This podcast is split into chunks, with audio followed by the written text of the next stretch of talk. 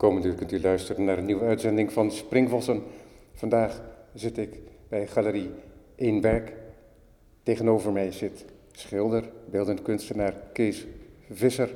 En Kees Visser heeft onlangs Blue, Green, Red gepresenteerd. Dat zijn drie monochromen die tezamen één werk vormen, een triptiek. Het is acrylverf op papier en het meet 390 in de breedte en 250 centimeter in de hoogte. En ja, de titel die zegt al welke kleuren te zien zijn. Blauw, groen en rood. Fijn dat je met me wilt spreken, Kees. Dank je voor de uitnodiging. We hebben hier te maken met drie monochromen. Jij bent gewoon om monochromen te maken. Je werkt met verschillende technieken. En de techniek die je hier hebt toegepast, kun je daar iets over zeggen? Ja, dit is een techniek die uh, langzaam ontstaan is. Ik ben met dit soort werk begonnen in 1992. En dat was naar aanleiding van houten objecten die ik maakte. En ik wilde voor die houten objecten een paar schetsen maken. En toen heb ik die. Uh, ik, ik had toen mooi Japans papier en daar heb ik een aantal monochromen gemaakt. En ik raakte zo gefascineerd van het werk op papier dat de houten objecten toen binnen een jaar eigenlijk verdwenen zijn uit mijn oeuvre. En ik ben hierop doorgegaan en heel langzaam heeft zich dit ontwikkeld tot een, een hele methodische benadering van de schilderkunst. Uh, in het begin gebruikte ik gewoon één kleur. Ik kocht tubes van allerlei merken. Uh, ik heb een keer een serie gemaakt bijvoorbeeld van ultramarijn, van wel twintig merken. En dan zie je dat ultramarijn een heel uh, vaag begrip is. Was dat een onderdeel van het werk, die verandering van kleur? Ja, ja. Uh, ik, ik, zag natuurlijk, omdat ik zoveel merken kocht en, en verschillende kwaliteit, dat ultramarijn heel, heel vaag was. Je had dure merken die daar dichterbij kwamen als goedkope merken. Heb je die werken nog wel eens naast elkaar gelegd, jaren later, om te zien hoe zich dat had getransformeerd? Of blijft acryl redelijk stabiel? Acryl blijft redelijk stabiel. Ik heb geen ervaring met acryl over 50 of 100 jaar. Ik vind zelf dat olieverf erg mooi verouderd. Maar acryl, toen ik begon, uh, eind, zeg maar begin 70 jaren, toen was acryl heel nieuw. Je kon het in Nederland niet zo makkelijk krijgen. Later kreeg je een winkel in uh, Ateliers 63 in Haarlem, die heette Artel. En die hadden een paar merken. Die hadden Liquitex, dat was een Amerikaans uh, acrylmerk. Ik ben daar toen meteen bij begonnen, omdat ik, ik werkte met doeken en ik tapete mijn werk. Dat waren veel ingewikkeldere werken als dit. Wat bedoel je daarmee, ik tapete mijn werk? Ik maakte geometrisch werk en uh, ik tapete dat allemaal af om mooie strakke lijnen te krijgen. Ik schilderde het eerst dicht met medium en dan deed ik de kleur er pas op, uh, zodat het niet onder de tape lekte. En het waren allemaal hele scherpe, uh, wat je in Amerikaans noemt hard edge werk. Niet dat ik een hard edge schilder was. Want Waren dat dan wel composities van geometrische vormen? Ja. Ik had toen ook een, een, uh, een methodische benadering.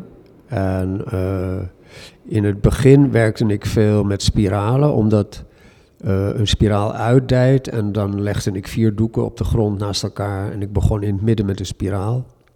En dan wist ik niet van tevoren precies wat er op welk doek kwam. Dat hing af van de maten die ik uh, koos bij de eerste handeling. En dan de consequenties daarvan waren dat het steeds uitdijde en vergrootte. Ik heb ook een keer met 16 doeken en met 8 doeken, verschillende hoeveelheden doeken gewerkt. Soms kreeg je een doek wat helemaal geen verf had. Het was alleen maar wit of alleen maar rood, als ik dan met rood werkte. maar die werken die kwamen dan ineens tot stand omdat je ze allemaal op de grond had liggen, begrijp ik? Ja, ik had ze op de grond liggen om uit te meten wat ik af moest tapen en wat ik uh, uit die spiraalconstructie kreeg op ieder doek. Daarna legde ik doek voor doek op tafel. Ik heb altijd op tafels gewerkt, horizontaal.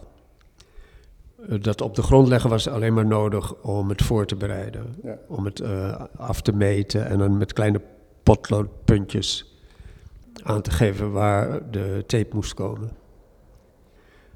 Uh, maar om terug te komen op die uh, werk op papier, die in 92 beginnen, werkte ik in het begin dus met één kleur. Ik werkte met hele kleine kwastjes die ik nog had, die ik ook bij Artel gekocht had in de 70 jaren. En uh, in 99 had ik in een soort ironische bui twee kleuren door elkaar gemengd, omdat ik voelde me niet helemaal een monochroom schilder. Ik had toen twee kleuren door elkaar gemengd, wat ook weer één kleur geeft. En die schilderijen noemde ik bichroms. Dat was een soort sarcasme. Maar door een hele serie te maken met twee kleuren bij elkaar te mengen. En ik nam niet rood en geel om oranje te maken. Ik nam kleuren die eigenlijk, waarvan ik helemaal niet wist wat voor resultaat ze hadden. En het was een hele mooie serie geworden. En toen heb ik die hele serie van dat waren 32 bichroms. Maar eh, was het dan zo dat je lukraak paren selecteerde en die ging je mengen en dat je altijd het resultaat accepteerde? Ja. Ik nam cadmiumgeel met uh, zwart, wat een heel merkwaardig groenig donkergrijs geeft. Uh, of magenta met zwart. Ik weet het niet meer allemaal uit mijn hoofd. Maar dat kleuren mengen boeide me. En uh, vanaf dat moment heb ik, ben ik ook van kwast veranderd. En toen begon dit werk te ontstaan, zoals het nu vandaag is. Ik ging met grotere industriële kwasten werken. En ik merkte na een paar lagen geschilderd te hebben dat er korreltjes opkwamen. Mijn eerste reactie was dan om dan op te houden. Dan heb je eigenlijk de structuur van de verf kapot gemaakt. Uh, ik, uh, nee, uh, zo zag ik het niet, maar ik, ik wilde gewoon het vlak houden, net als dat de schilderijen die de jaren daarvoor gemaakt had waren. Later dacht ik, laat ik gewoon maar doorgaan, eens kijken wat die korreltjes doen. En het werd vrij egaal over het hele vlak verdeeld. Ja, maar betekent het dan dat je net zo lang doorkwast tot, want er zitten geen oplosmiddelen in, acrylverf? Maar het is voornamelijk water dan wat dan verdampt. En dat maakt dat die verf helemaal uitdroogt. En normaal gesproken ben je dan al lang al uitgekwast. Maar jij uh, werkt juist voorbij dat punt door. Ja, ik moest wel vaak een beetje medium erbij doen hoor. Als je, als je dure merken hebt, die zijn veel pasteuzer als goedkopere merken. Maar ik gebruikte ook wel eens uh, bijvoorbeeld Peter van Ginkel acryl, dat is heel goedkoop. Het waren vrij dunne verven. En als ik dan uh, een blauw wilde mengen of een groen, dan gebruikte ik goedkope en dure merken door elkaar. En als dat nog niet de goede viscositeit gaf, dan gooide ik er ook nog wat medium bij. Water gebruikte ik niet. Water gebruik ik wel op mijn palet als mijn kwast te hard wordt of te droog wordt, om hem soepel te houden. Dan gebruik ik zo'n plantensproeier. En dan maak ik mijn palet een klein beetje vochtig en dat is alweer genoeg om die kwast in de goede conditie te houden. En jij ontdekte dus dat die oppervlakte ontstond en dat vond je meteen interessant? Of heb je het eerst terzijde gegooid? In het begin dacht ik, ik krijg korrel, laat ik maar ophouden. Een paar maanden later dacht ik, was met een werk bezig, dacht ik ga gewoon door, eens kijken wat er gebeurt. En toen bleek dat die korrel de kleur intenser maakte en lumineuzer. Omdat je een oppervlaktevergroting krijgt eigenlijk. En hij grijpt veel meer licht als een, uh, als een glimmend oppervlak. Een glimmend oppervlak weerkaatst licht. Maar een ruw oppervlak. Het is net als met een, verwarming. In een radiator zitten allemaal bochten om het oppervlakte te vergroten en meer straling te krijgen het is niet hetzelfde als warmte, maar het is wel een oppervlaktevergroting, waardoor het uh, schilderij veel meer licht vasthoudt. Wat heel opmerkelijk is met deze werken, deze, de triptiek, is dat de huid die kleur in beweging lijkt te brengen. En dat komt door die korreltjes die zorgen voor schaduwwerking, ja. waardoor het er heel zacht uitziet. Ja. Uh, maar ook waardoor dat papier en werk op papier, dat is over het algemeen minder object hè, dan een schilderij, dan een doek, maar waardoor de verf als materie aan het papier gehecht zit. Ja. Waardoor het Ja. ehm, veel meer ehm, lichaam krijgt. Ja, En waardoor die drie grote panelen, want het is papier geplakt op kunststof panelen, eh, waardoor die panelen veel meer gewicht krijgen ook. ja. Nou is het natuurlijk, ik maak heel veel werk wat niet opgeplakt is. En dat heeft een zachtere en meer organische vorm. En de geometrische vorm die ik aan het kleurvlak geef, wat je zag op die twee kleine werkjes. dat- Want in dat de ruimte hiernaast, Ja. in een werk, is er een eh, tafel opgesteld. Ja, In een bak liggen dan inderdaad twee eh, kleinere werken op papier. ja, ja. Maar als je het opplakt, dan versterkt de geometrie zich. Ook eh, omdat de randen van het papier worden scherp afgesneden.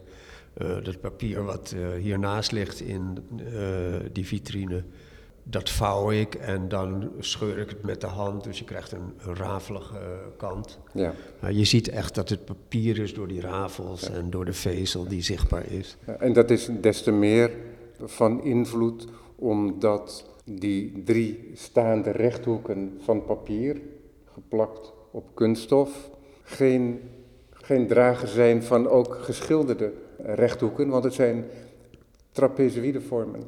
Alleen Ja, dat is heel subtiel gebeurd, waardoor je dat pas in tweede instantie ziet. En dat maakt dat die grote rechthoekige, schijnbaar rechthoekige eh, kleurvlakken in beweging, iets in beweging brengen. Ze wiebelen een beetje ten Ja. opzichte van Ja. elkaar. ja, Dus dat werkt dan weer die fysieke aanwezigheid als het ware een beetje tegen. ja. Die vorm, die heb ik van het begin af aan gedaan, omdat die houten objecten waar ik het net over had, dat waren eh, grote platen, multiplex, die ik eh, bij een autospuiterij liet eh, schilderen. En die werkten niet als ze rechthoekig waren, die waren te statisch. En ik weet toen ik dat eerste object maakte, dat ik op een morgen wakker werd en zo half droomde van, laat ik daar een stukje uitzagen. En toen hebben we dat object weer uit elkaar gehaald, een stukje afgezaagd, we hebben het opnieuw laten spuiten. En eh, dat gaf aanleiding om eh, andere schetsen te maken. En, Het eh, proefondervindelijke bevalt je wel. ja, ik heb, ik heb nooit een echt plan. Ik werk en onderweg kom ik dingen tegen die ik bruikbaar vind en waar ik op doorga. Dus ik ging schetsen maken eh, om meerdere houten objecten te maken en dat, dat bleef op papier. Ik vind acryl op zichzelf minder mooi als olieverf. Maar door deze techniek ontwikkeld te hebben, he- haal ik de maximale luminositeit uit acryl. Dat is veel sterker als dat wanneer je eh, strakke vlakken schildert. Ja, want wat we nog niet gezegd hebben, we hebben het over die korrels gehad. En die korrels die werpen schaduw, waardoor er een beetje een wolkig effect ontstaat ja, in het oppervlakte. Ja. Maar als je er met je neus bovenop gaat staan, dan zie je ook daadwerkelijk dat die bobbeltjes iets donkerder van kleur zijn, eh, minder lumineus zijn. ja, En dat in het papier daartussen, wat volgezogen is dan met kleur, dat daar de kleur veel meer straalt. ja, En hoe donkerder het oppervlakte, hoe groter dat contrast lijkt te zijn. ja. Dat is in de blauwe en de groene het sterkste. Dat komt omdat de rode is een opake kleur. En eh, nadat ik drie, vier lagen geschilderd heb en er nog geen korrel is, is die laag al dicht. En die laat dan geen licht meer door, die teruggekaatst wordt door het wit van het papier. En op die blauwe en die groene blijft na drie of vier lagen die kleur lichter. En transparante kleur heeft de neiging om bijna zwart te worden als je maar doorschildert. Omdat dan het licht eh, steeds meer in de materie blijft en niet meer het papier bereikt wat erachter ligt. En omdat hier zowel korrel is als achtergrond, die maar een paar lagen heeft, krijg je wat uiteindelijk dezelfde verf is, dezelfde kleur, krijg je dat, die werking tussen de korrel en de achtergrond. Het is misschien erg abstract zonder het te zien op een radioprogramma, maar Ja, hoe moet ik het beter uitleggen? Ja, nou, we hebben nog, we hebben nog even de tijd. Ja. We komen er nog wel op terug ook. Ja. Hoeveel verf zit er in, in zo'n paneel? Weet je dat? Ja, eh, ongeveer 2 liter. Oh, dat valt heel erg mee. Ja, 2, 2,5. In de groene zit meer, omdat er minder wit overgebleven is. De transparante kleuren, daar gebruik je normaal gesproken ook altijd meer verf. Omdat die langzamer verzadigd raken. Het rode werk eh, nam de minste tijd om te maken. Het rode had ik binnen ruim een week eh, had ik het Maar af. loop je dan niet het gevaar dat de huid ook heel anders is, omdat je er minder lang op werkt? Eh, nee, Eh, opake kleuren hebben denk ik in het pigment, de, de pigmentkorrel zelf, is eh, wat groter en is wat eh materiëler. Verf per kleur reageert heel verschillend van de ene kleur naar de andere. De soepelheid van het opbrengen ook bij de ene kleur is veel makkelijker als bij de andere. Ja, want in sommige verf zitten ook hele kleine glazen bolletjes. Oh ja? Ja, Ja. ik zal een keertje navragen welke verf dat precies is. Ja. Dat ver- vertelde mensen, een schilder me laatst. Wit is heel kalkachtig bijvoorbeeld. Wit, wit is moeilijk om de goede viscositeit te krijgen om te schilderen. Ik heb wel schilderijen, witte schilderijen gemaakt. Die maakte ik dan een beetje roze of een beetje blauw wel, maar, of eh, geel of wat. Maar het schildert sneller, maar moeilijker. Ja, maar dit is direct uit de pot.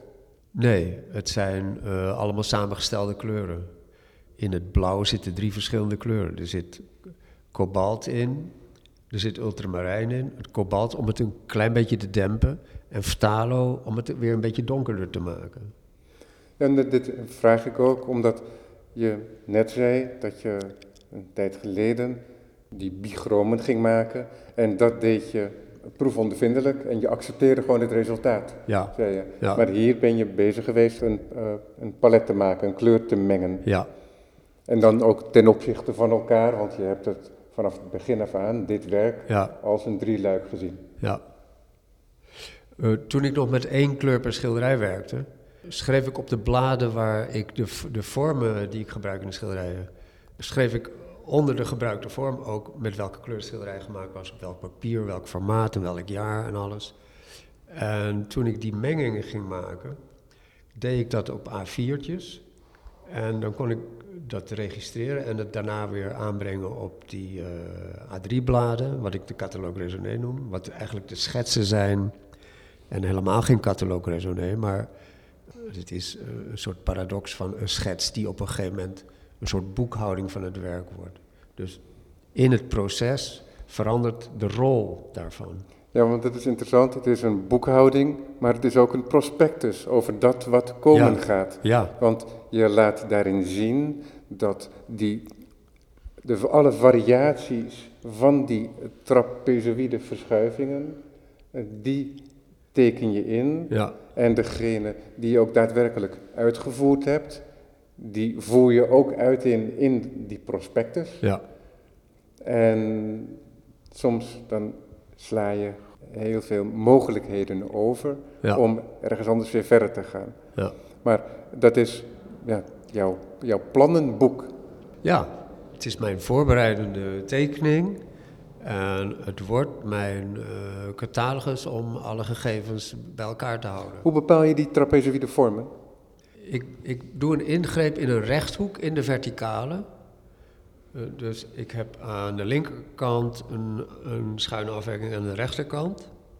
Nou, dus we hebben voor de En- luisteraar, we hebben drie eh, eh, staande panelen, rechthoekig. Ja, Van elk paneel worden de lange zijden, daar vindt een ingreep plaats. ja.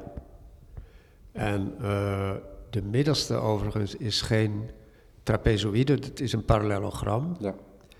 En het linkerpaneel is een trapezoïde die beneden smal is en boven breed. En bij het rechterpaneel is dat andersom, die is van boven smal en beneden breed. Het groene, het middelste werk, is een parallelogram wat naar rechts helt, maar er zijn op die schetsbladen ook parallelogrammen die naar links hellen. Dus die vier vormen komen er altijd uit. En eh, ik kan de, linker, de ingreep in de linker of in de rechterkant vier keer variëren. Dus de combinatie van de twee geeft me 16 mogelijkheden. En de wisseling van wat links en rechts is, geeft me nog eens 16 mogelijkheden. Dus een ingreep met een, zekere parameter, die geeft 32 mogelijkheden voor een vorm. Dat vormt een serie. De series die zijn dan, die hebben een letter, het is een A, een B of een C, en de 32 vormen hebben een nummer 1 tot 32. Als ik een serie gebruikt heb, verander ik de parameters links en rechts. Een beetje door de hoek te veranderen of door de lijn niet helemaal over de hele lengte schuin te laten lopen. En dan heb ik weer een nieuwe serie. Want dat is het geval bij de eh, werken op papier die op de tafel in de Ja. ruimte hier achter ons liggen. Ja, bij deze werken ook hoor. Als je, de link, als je blauw neemt daar links, Oh, inderdaad, ja. de, de- eh, drie tiende daarvan is recht en dan ja, inderdaad. helpt het pas. Ja. En de groene is boven rechts, drie tiende naar beneden recht. ja, ik zie het nu. En de rode links, drie tiende van onder naar boven. Ja, ik heb nog niet zo lang een bril waarbij de hoeken vertekenen. Dus ik ben gewend geraakt om hele kleine eh, varianten, om die te corrigeren. Maar in dit geval dus corrigeer ik iets wat eigenlijk gewoon ook niet recht is. Ja, ik, ik heb het wel eens meer gehoord van mensen die een bril dragen. De brillen worden steeds technischer, hè, geloof ik.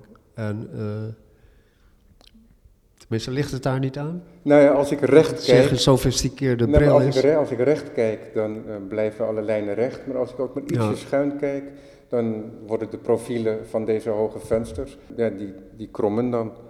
Ja, ja. ja, Ja, dat is eh, Typisch. een optisch effect. ja. Maar jij zei dat je die trapezoïde vormen, of die, die variaties van die rechthoek die je aanbrengt, dat het ooit begonnen is in hout. Ja, het is begonnen in hout. Ik heb houten objecten gemaakt vanaf ongeveer, vanaf precies 1988. Ik zat een beetje vast in die tijd. Ik werkte wel veel, ik maakte allerlei dingen voor het plezier, maar tussen 84 en 88 heb ik een beetje gezworven naar allerlei andere werken. En wat is dat dan? Waar bestond dat zwerven uit? Ik heb heel veel getekend en heel veel geprint. Ik heb vier jaar lang eigenlijk uitsluitend grafiek gemaakt. Ik ben in 87 naar IJsland gegaan. En daar logeerde ik op een grote boerderij buiten de stad waar de beeldhouwvereniging zijn atelier zat. En toen ben ik een aantal, van een aantal tekeningen beelden gaan maken. Wat ik ontzettend leuk vond. Ik vond metaal absoluut niet moeilijk. Ik heb er nooit voor geleerd, maar ik keek een beetje wat anderen deden. En ik heb heel veel stalen beelden gemaakt in die tijd. Maar in 88 maakte ik een bedje voor mijn dochter.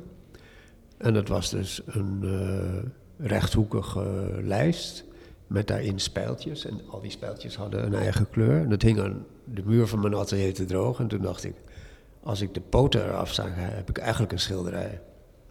Ja, want, Uh, dat was Want- het begin van de houten objecten. ja, precies, want dat ledikantje, dat had je inderdaad aan haken opgehangen. Ja, Zodat het helemaal rondom vrij ja. kon drogen. ja. ja, ja. En, eh, En je zag daar direct een beeld in. ja. En eh, Eh, Iets ergens tussen een schilderij en een beeld. ja. ja, het waren eigenlijk objecten. Eh, het is echt heel materieel. Heeft je dochter nog wel geslapen in het bed of werd het meteen opgehangen? Nee, ze heeft, er, ze heeft erin geslapen en daarna heeft mijn zoon erin geslapen. Ik heb het in die tijd helemaal nooit tentoongesteld ook. Maar ben je met die gedachte wel toen direct wat gaan doen, gaan doen of is, heb je daar later pas gevolg aan gegeven? Nee, dat eh ledikantje, dat hing aan de muren te drogen. En ik had een vriend waar ik hout van kreeg. Was een, die had een timmerbedrijf. En ik ben in de auto gestapt naar hem toe gegaan en moet nog wat hout hebben. Ze zei, nou, daar liggen wat planken, gebruik dat maar. En pak maar wat MDF. En eh, toen heb ik daar gleuven in gevreesd. En toen ben ik mijn eerste rechtig, eh, mijn eerste houten ramen gaan maken. En ik zag dat houten raam ook een beetje als... eh, de lijst van een werk. En dat was dan als het ware in één paneel van zo'n bed met spijlen. Ja, En tussen de spijlen zag je de muur. En je zag, omdat die aan beide kanten geschilderd waren, de straling op de muur ook. Van de kleur van de desbetreffende spijl. Ja. Ja. Het had een hoop optische eh, interessante aspecten. En dus je bent raamwerken gaan maken, enige Ja. tijd. Ja. En steeds groter en steeds ingewikkelder en steeds eh, met verschillende soorten hout die ik eigenlijk zag als een, ge- een geïntegreerde lijst die deel was van het werk. Totdat ik die hele grote panelen ging maken, omdat toen wilde ik niet, niet eh, eh, een serie van verschillende kleuren en stijlen, van sp- spijlen in het werk hebben. Ik wilde gewoon één enkele maken. Dus in die tijd is dat monochrome al ontstaan. En dan had je één houten object. Ja, Dus niet in samengesteld, nee, maar in plank of plaat ja, die dan beschilderd was. ja. Ik weet, de grootste platen die we konden krijgen, die waren 3,25 bij 1,50. Dat waren de grootste werken die ik maakte in die Dat tijd. we aardig in de buurt bij, bij- Ja, bij wat we voor ons hebben. ja, inderdaad. Ik ben een jaar later naar Parijs verhuisd. Dus daar had ik ook alle toegang niet meer tot die timmerwerkplaat. En eh, ik was zo druk met eh, ideeën ontwikkelen voor die werk op papier dat ik heb toen eh, die vijf jaar in Parijs heb ik dit werk echt helemaal doorontwikkeld. En eh, het sloeg daar aan, ik kreeg daar ook meteen tentoonstellingen. En, eh, dus het was een heerlijke tijd daar in Parijs. Dus je bent in Parijs door gaan timmeren. Niet Nee, door gaan schilderen op door gaan papier. schilderen op papier was Ja. dat dan al inmiddels. Ja, ja. En heeft dat dan ook heel eenvoudig een praktische grond? Ergens wel, maar eh, Dus dat je atelier in Parijs. ik zag het als een voordeel. Ik zag het niet als een praktische grond. Ik dacht, eh, ik ben hier toch mee bezig. En eh, ik had een klein atelier. We zaten in de Cité des Arts. Ik kon gewoon iedere dag een paar werken maken op papier en ideeën ontwikkelen. Nee, maar ik zeg het ook omdat je besluit om naar Parijs te gaan. Daar kom je terecht, daar heb je andere Ja. werkomstandigheden. Ja, Dus in andere werkomstandigheden kun je ander werk gaan maken. Hè, afhankelijk van het werk wat je daarvoor maakte natuurlijk. ja, Maar in jouw geval was dat toch het, een houtwerkplaats als het ja, ware. ja. Nou, het was hetzelfde het geval toen ik in 87 weer naar IJsland terugging. Uh, eerst in staal werken, toen in hout, uiteindelijk op papier, naar Parijs, doorgaan op Is zo'n verplaatsing ook het opzoeken van zo'n verandering van de praktijk? Niet bewust, maar ik heb, zeg maar, we kwamen 7 of 98 terug in Nederland.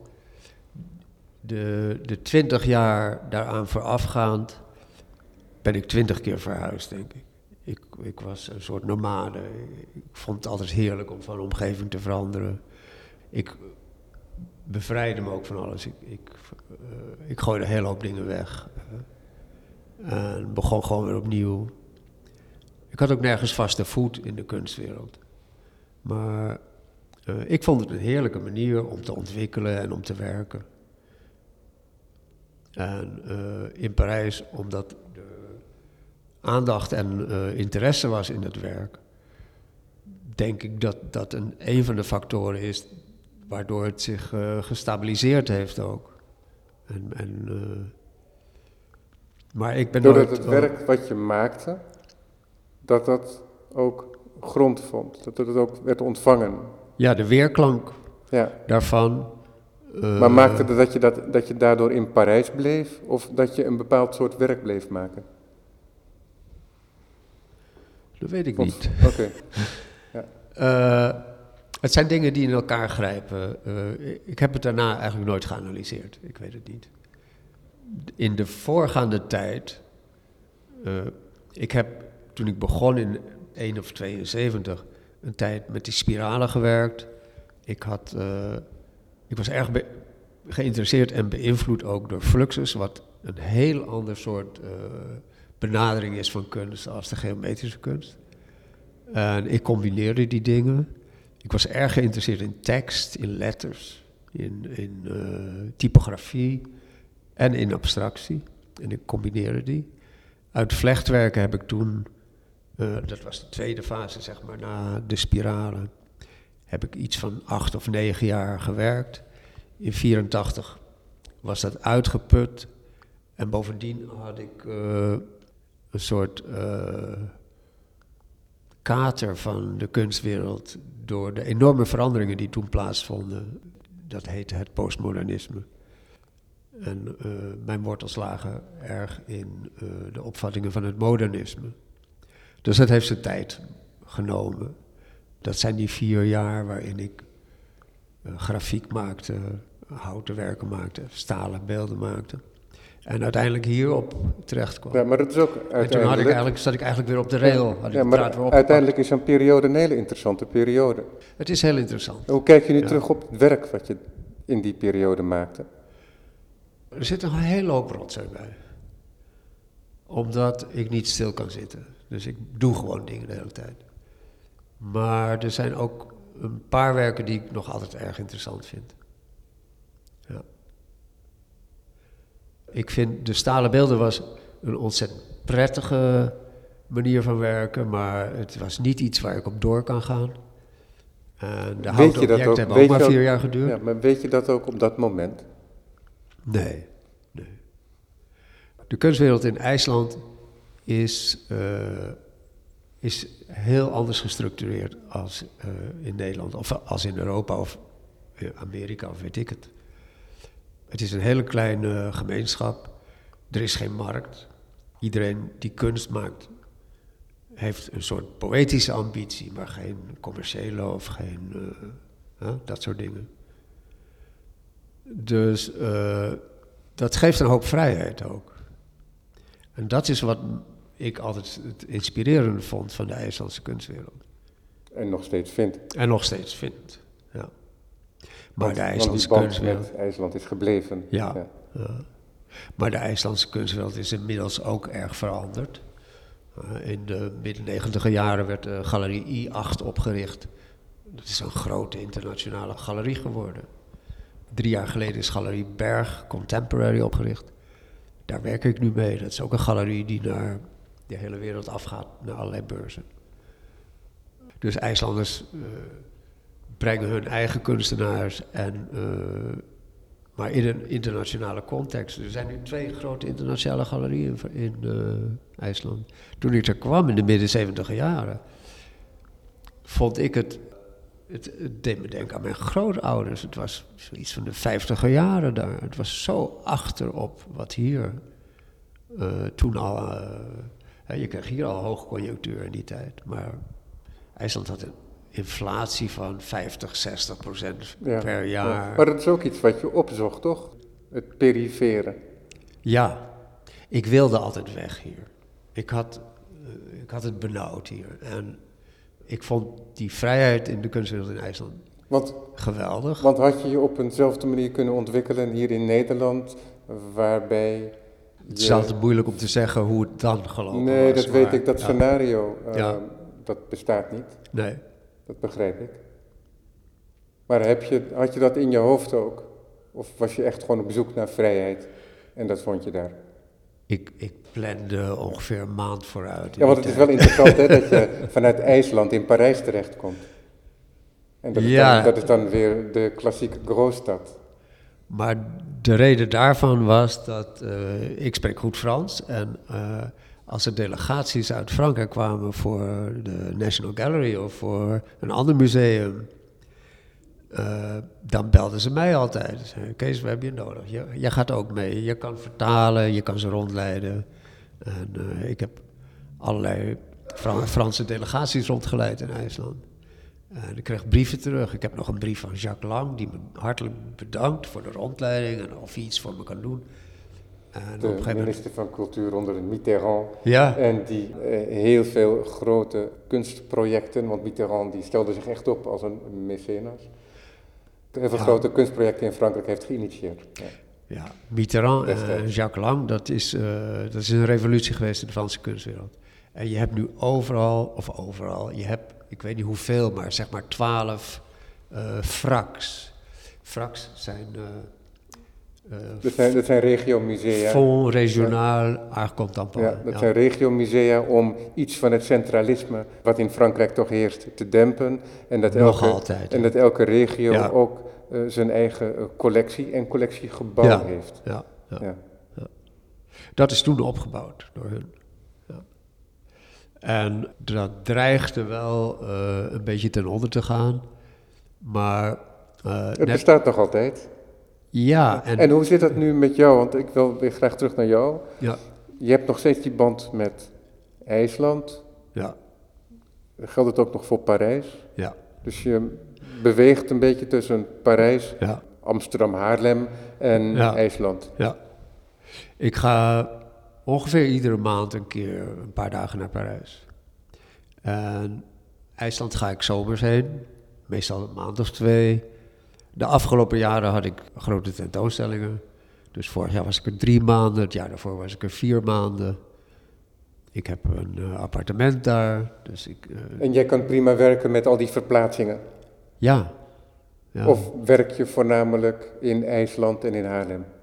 Nou, eh, ik vertel je net dat de eerste twintig jaar twintig keer verhuisd was. En nu verhuis ik niet meer, nu verhok ik. Maar als ik hier een maand gewerkt heb, heb ik de neiging om even... eh, dan wil ik even weg. En zijn er dan duidelijk afgebakende periodes dat je bijvoorbeeld in zo'n paneel van zo'n triptiek maakt dan?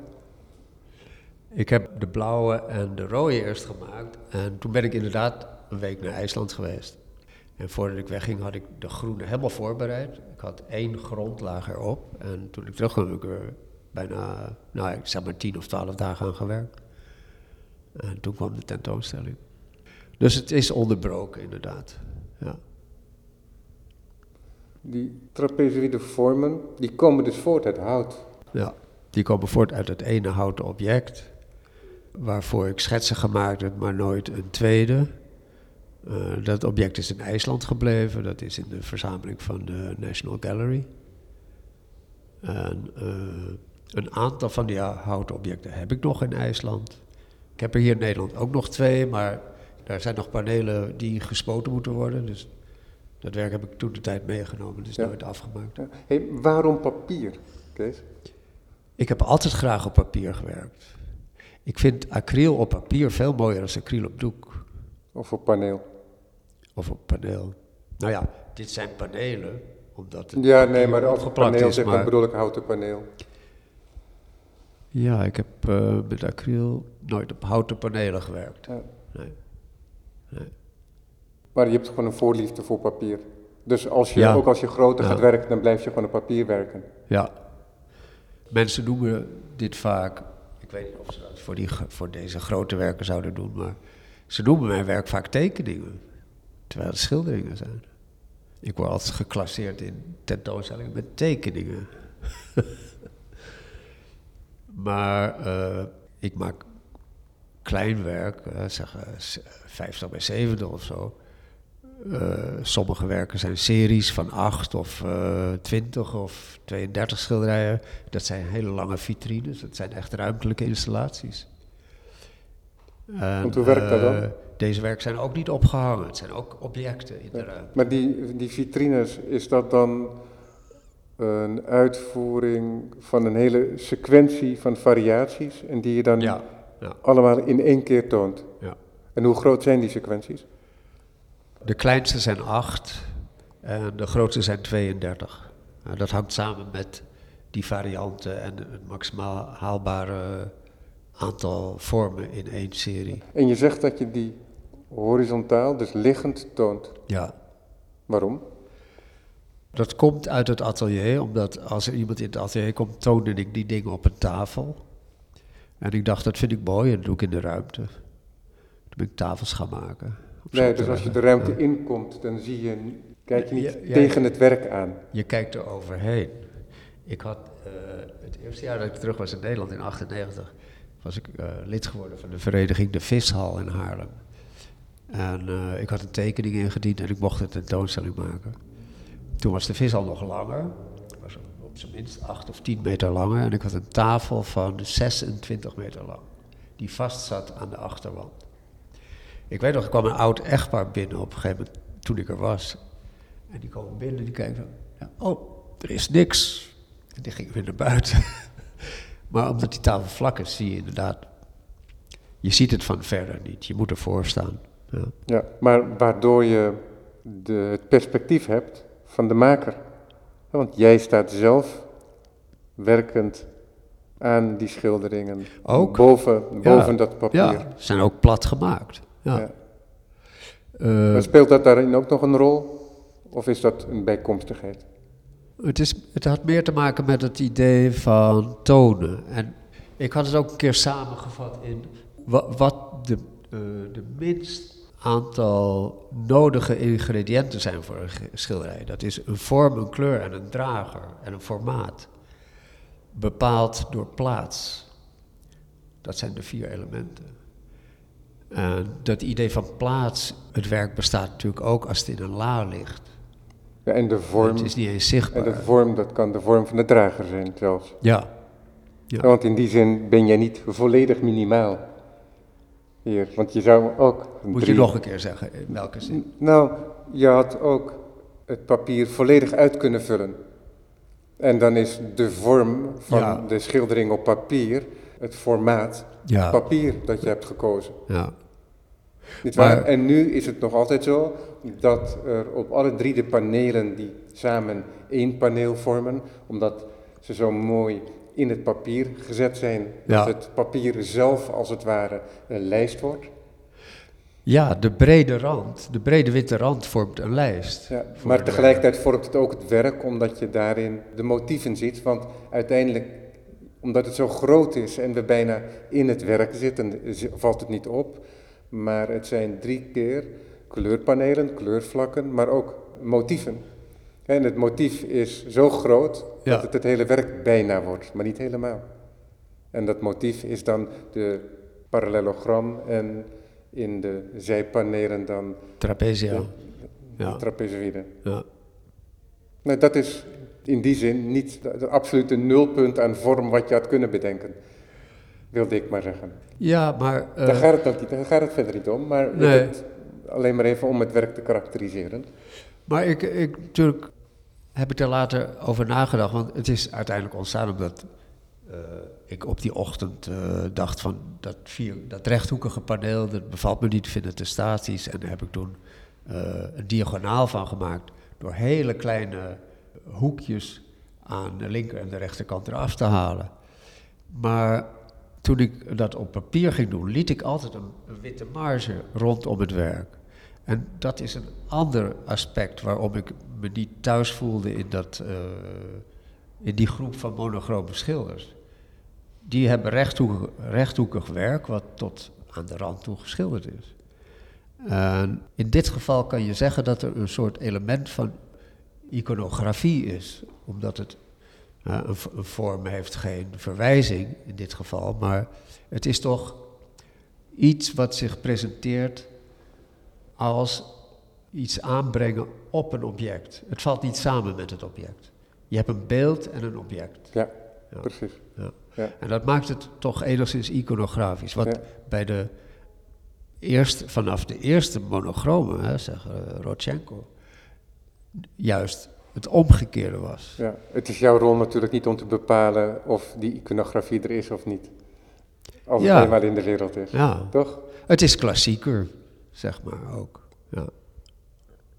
Ja. Uh, ik verstond de laatste vraag. Oh nee, nee, maar dat was geen vraag. Maar jij zei zo van ja, er zit geen verwijzing in het werk. Maar ik zeg dat is niet aan jou. Rudy Fuchs die had het erover op de opening dat het hem deed denken aan zeilen.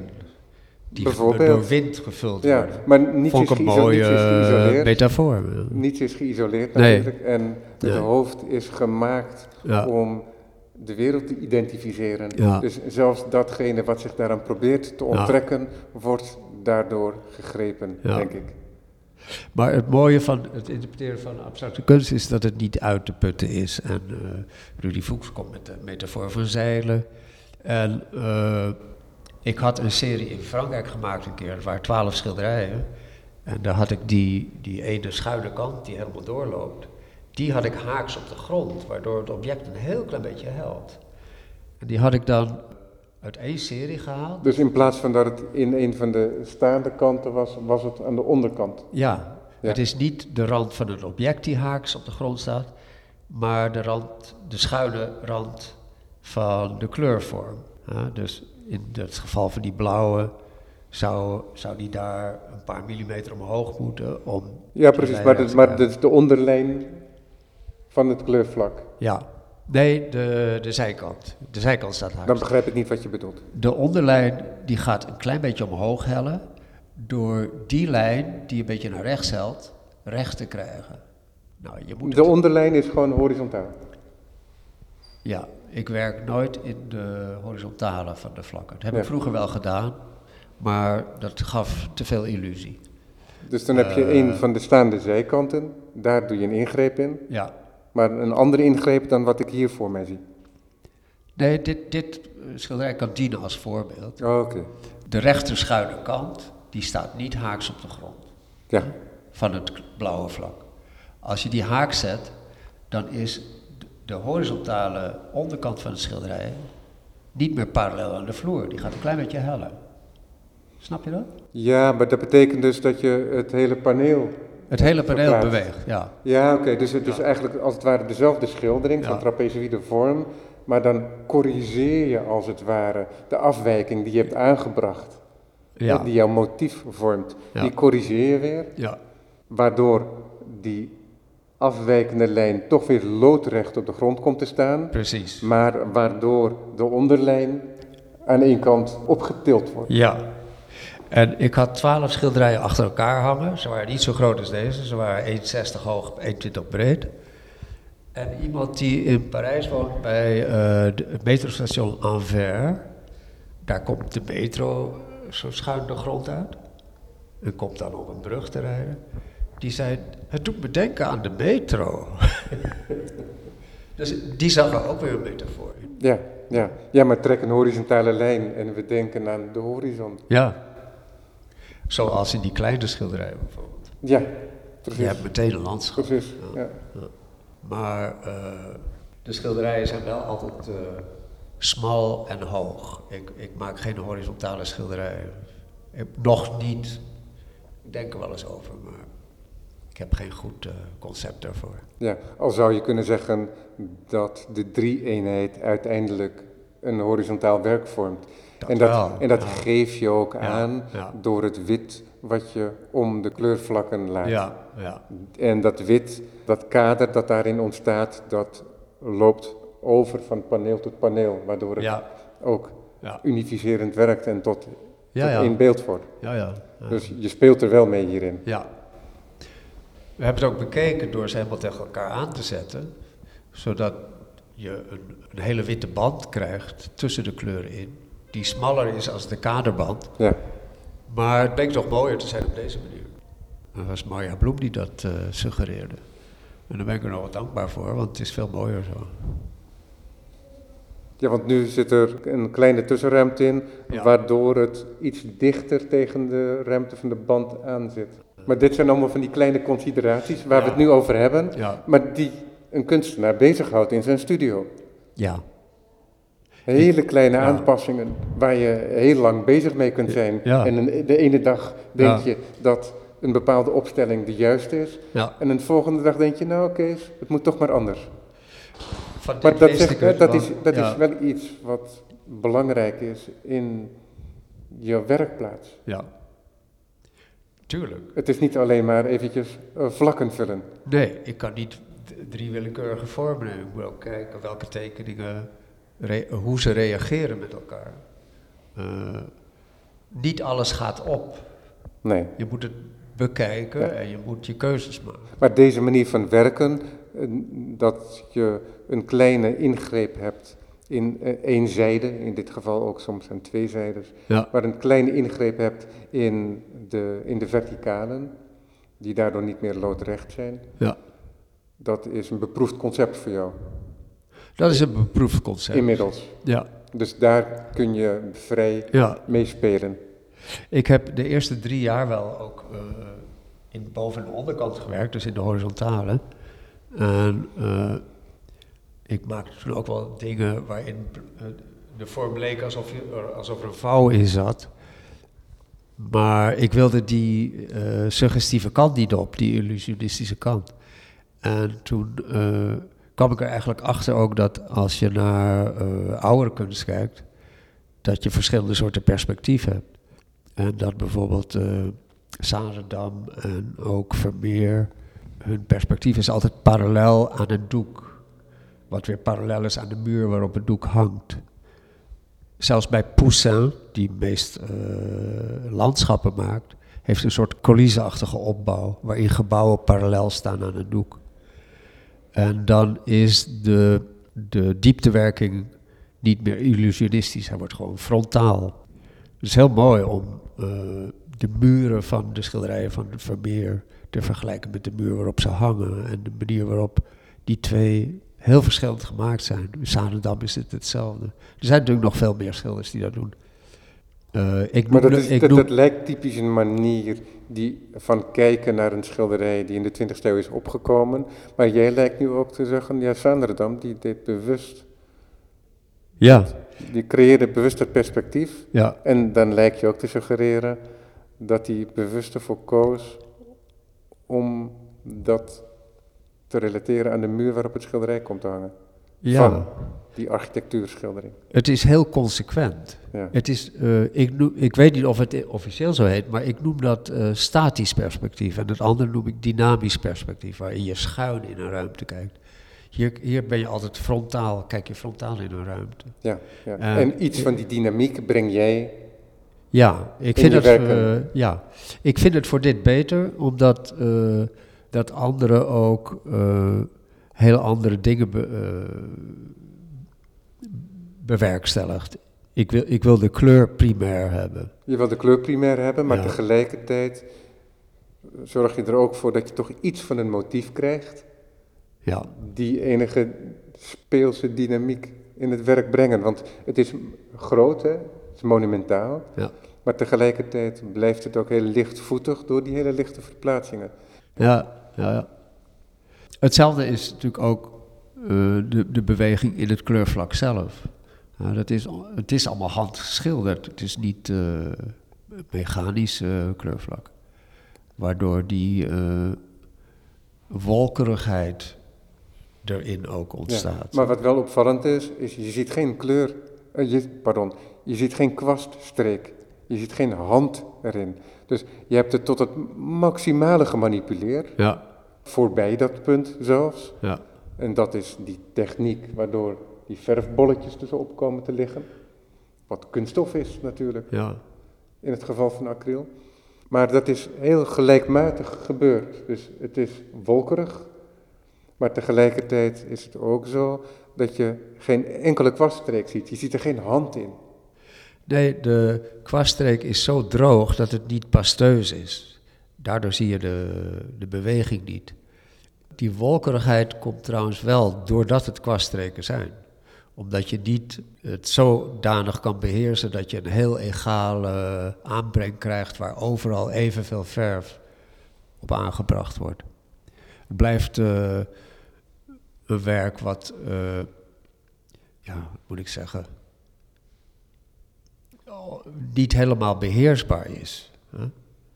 Op een gegeven moment zie ik dat op één plek het schilderij wat donkerder wordt als het andere. Dus dan ga ik naar de plek waar het wat lichter wordt, wat langer doorschilderen. Maar dan is die plek misschien weer ietsje donkerder. Of ik aarzel en ik zeg, nou, het is zo wel genoeg. En dan, maar het wordt nooit echt helemaal egaal. Ik verbaas me erover dat het papier Eh. heel blijft. Ja, de, de eerste laag is heel belangrijk. Hè? Eh, ik werk op eh, een Japans papier, dat heet Shiragiku. Dat is zo los van vezel. Het is heel moeilijk om de eerste laag op te brengen. Als die eerste laag eenmaal droog is, dan kan ik de vlakken waar de verf niet goed papier geraakt heeft, dicht gaan schilderen. En die eerste laag, die breng je wel egaal op, zonder het Eh, op te rullen. Ja, maar ik, ik kan maar één of twee keer strijken op dat plekje. Daarna begin ik de vezel eraf te vegen. Ah, op die manier. Ja. Dus ik moet dan een tweede laag, het een beetje verder Maar is het dan zo dat die eerste verflaag de vezel juist beschermt? De eerste verlaag beschermt hem, doordat hij eh, al enigszins pakt. En eh, de plekken die dan open zijn nog, die doe ik op dezelfde manier heel voorzichtig in de tweede laag. En bij de derde laag krijg ik het uiteindelijk, is het papier al beschermd door de verf die erop zit. En dan kun je veel gemakkelijker doorwerken. Dan kan ik Want- werken. Want ja. datgene wat je dan doet, dat borstelen met die kwast, Ja. dat gebeurt dan op de reeds aangebrachte acryl en niet meer direct op het papier. ja. Maar dit papier, dit is heel zwaar papier. Dit is Ja. 350 gram papier. Er zit veel meer binder in, of eh, weet ik wat, eh, hoe die middelen allemaal heten. Waar ze, wat ze, maar dit is westers papier.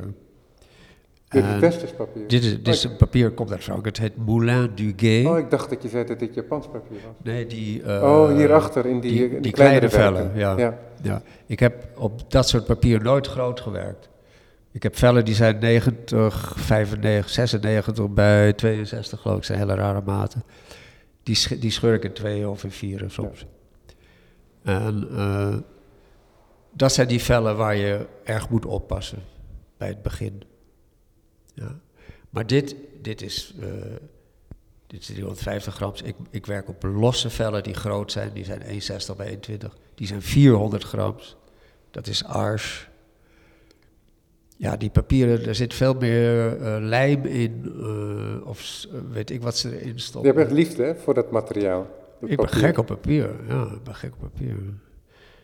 Eh, er zijn bepaalde papieren die ik, die ik eh, trouw ben, maar ik experimenteer ook. Als ik nieuwe papieren zie, Ja. dan eh, neem ik die ook, probeer Ja. ik die ook. Ja. En wij profiteren ervan. Kees, we zijn aan het einde van het uur. Ik dank je voor dit gesprek. Ik dank Ook je voor je mooie triptiek. Blauw, groen Rood, en rood te zien bij één werk. prima. Dank voor het luisteren. Bedankt, Robert.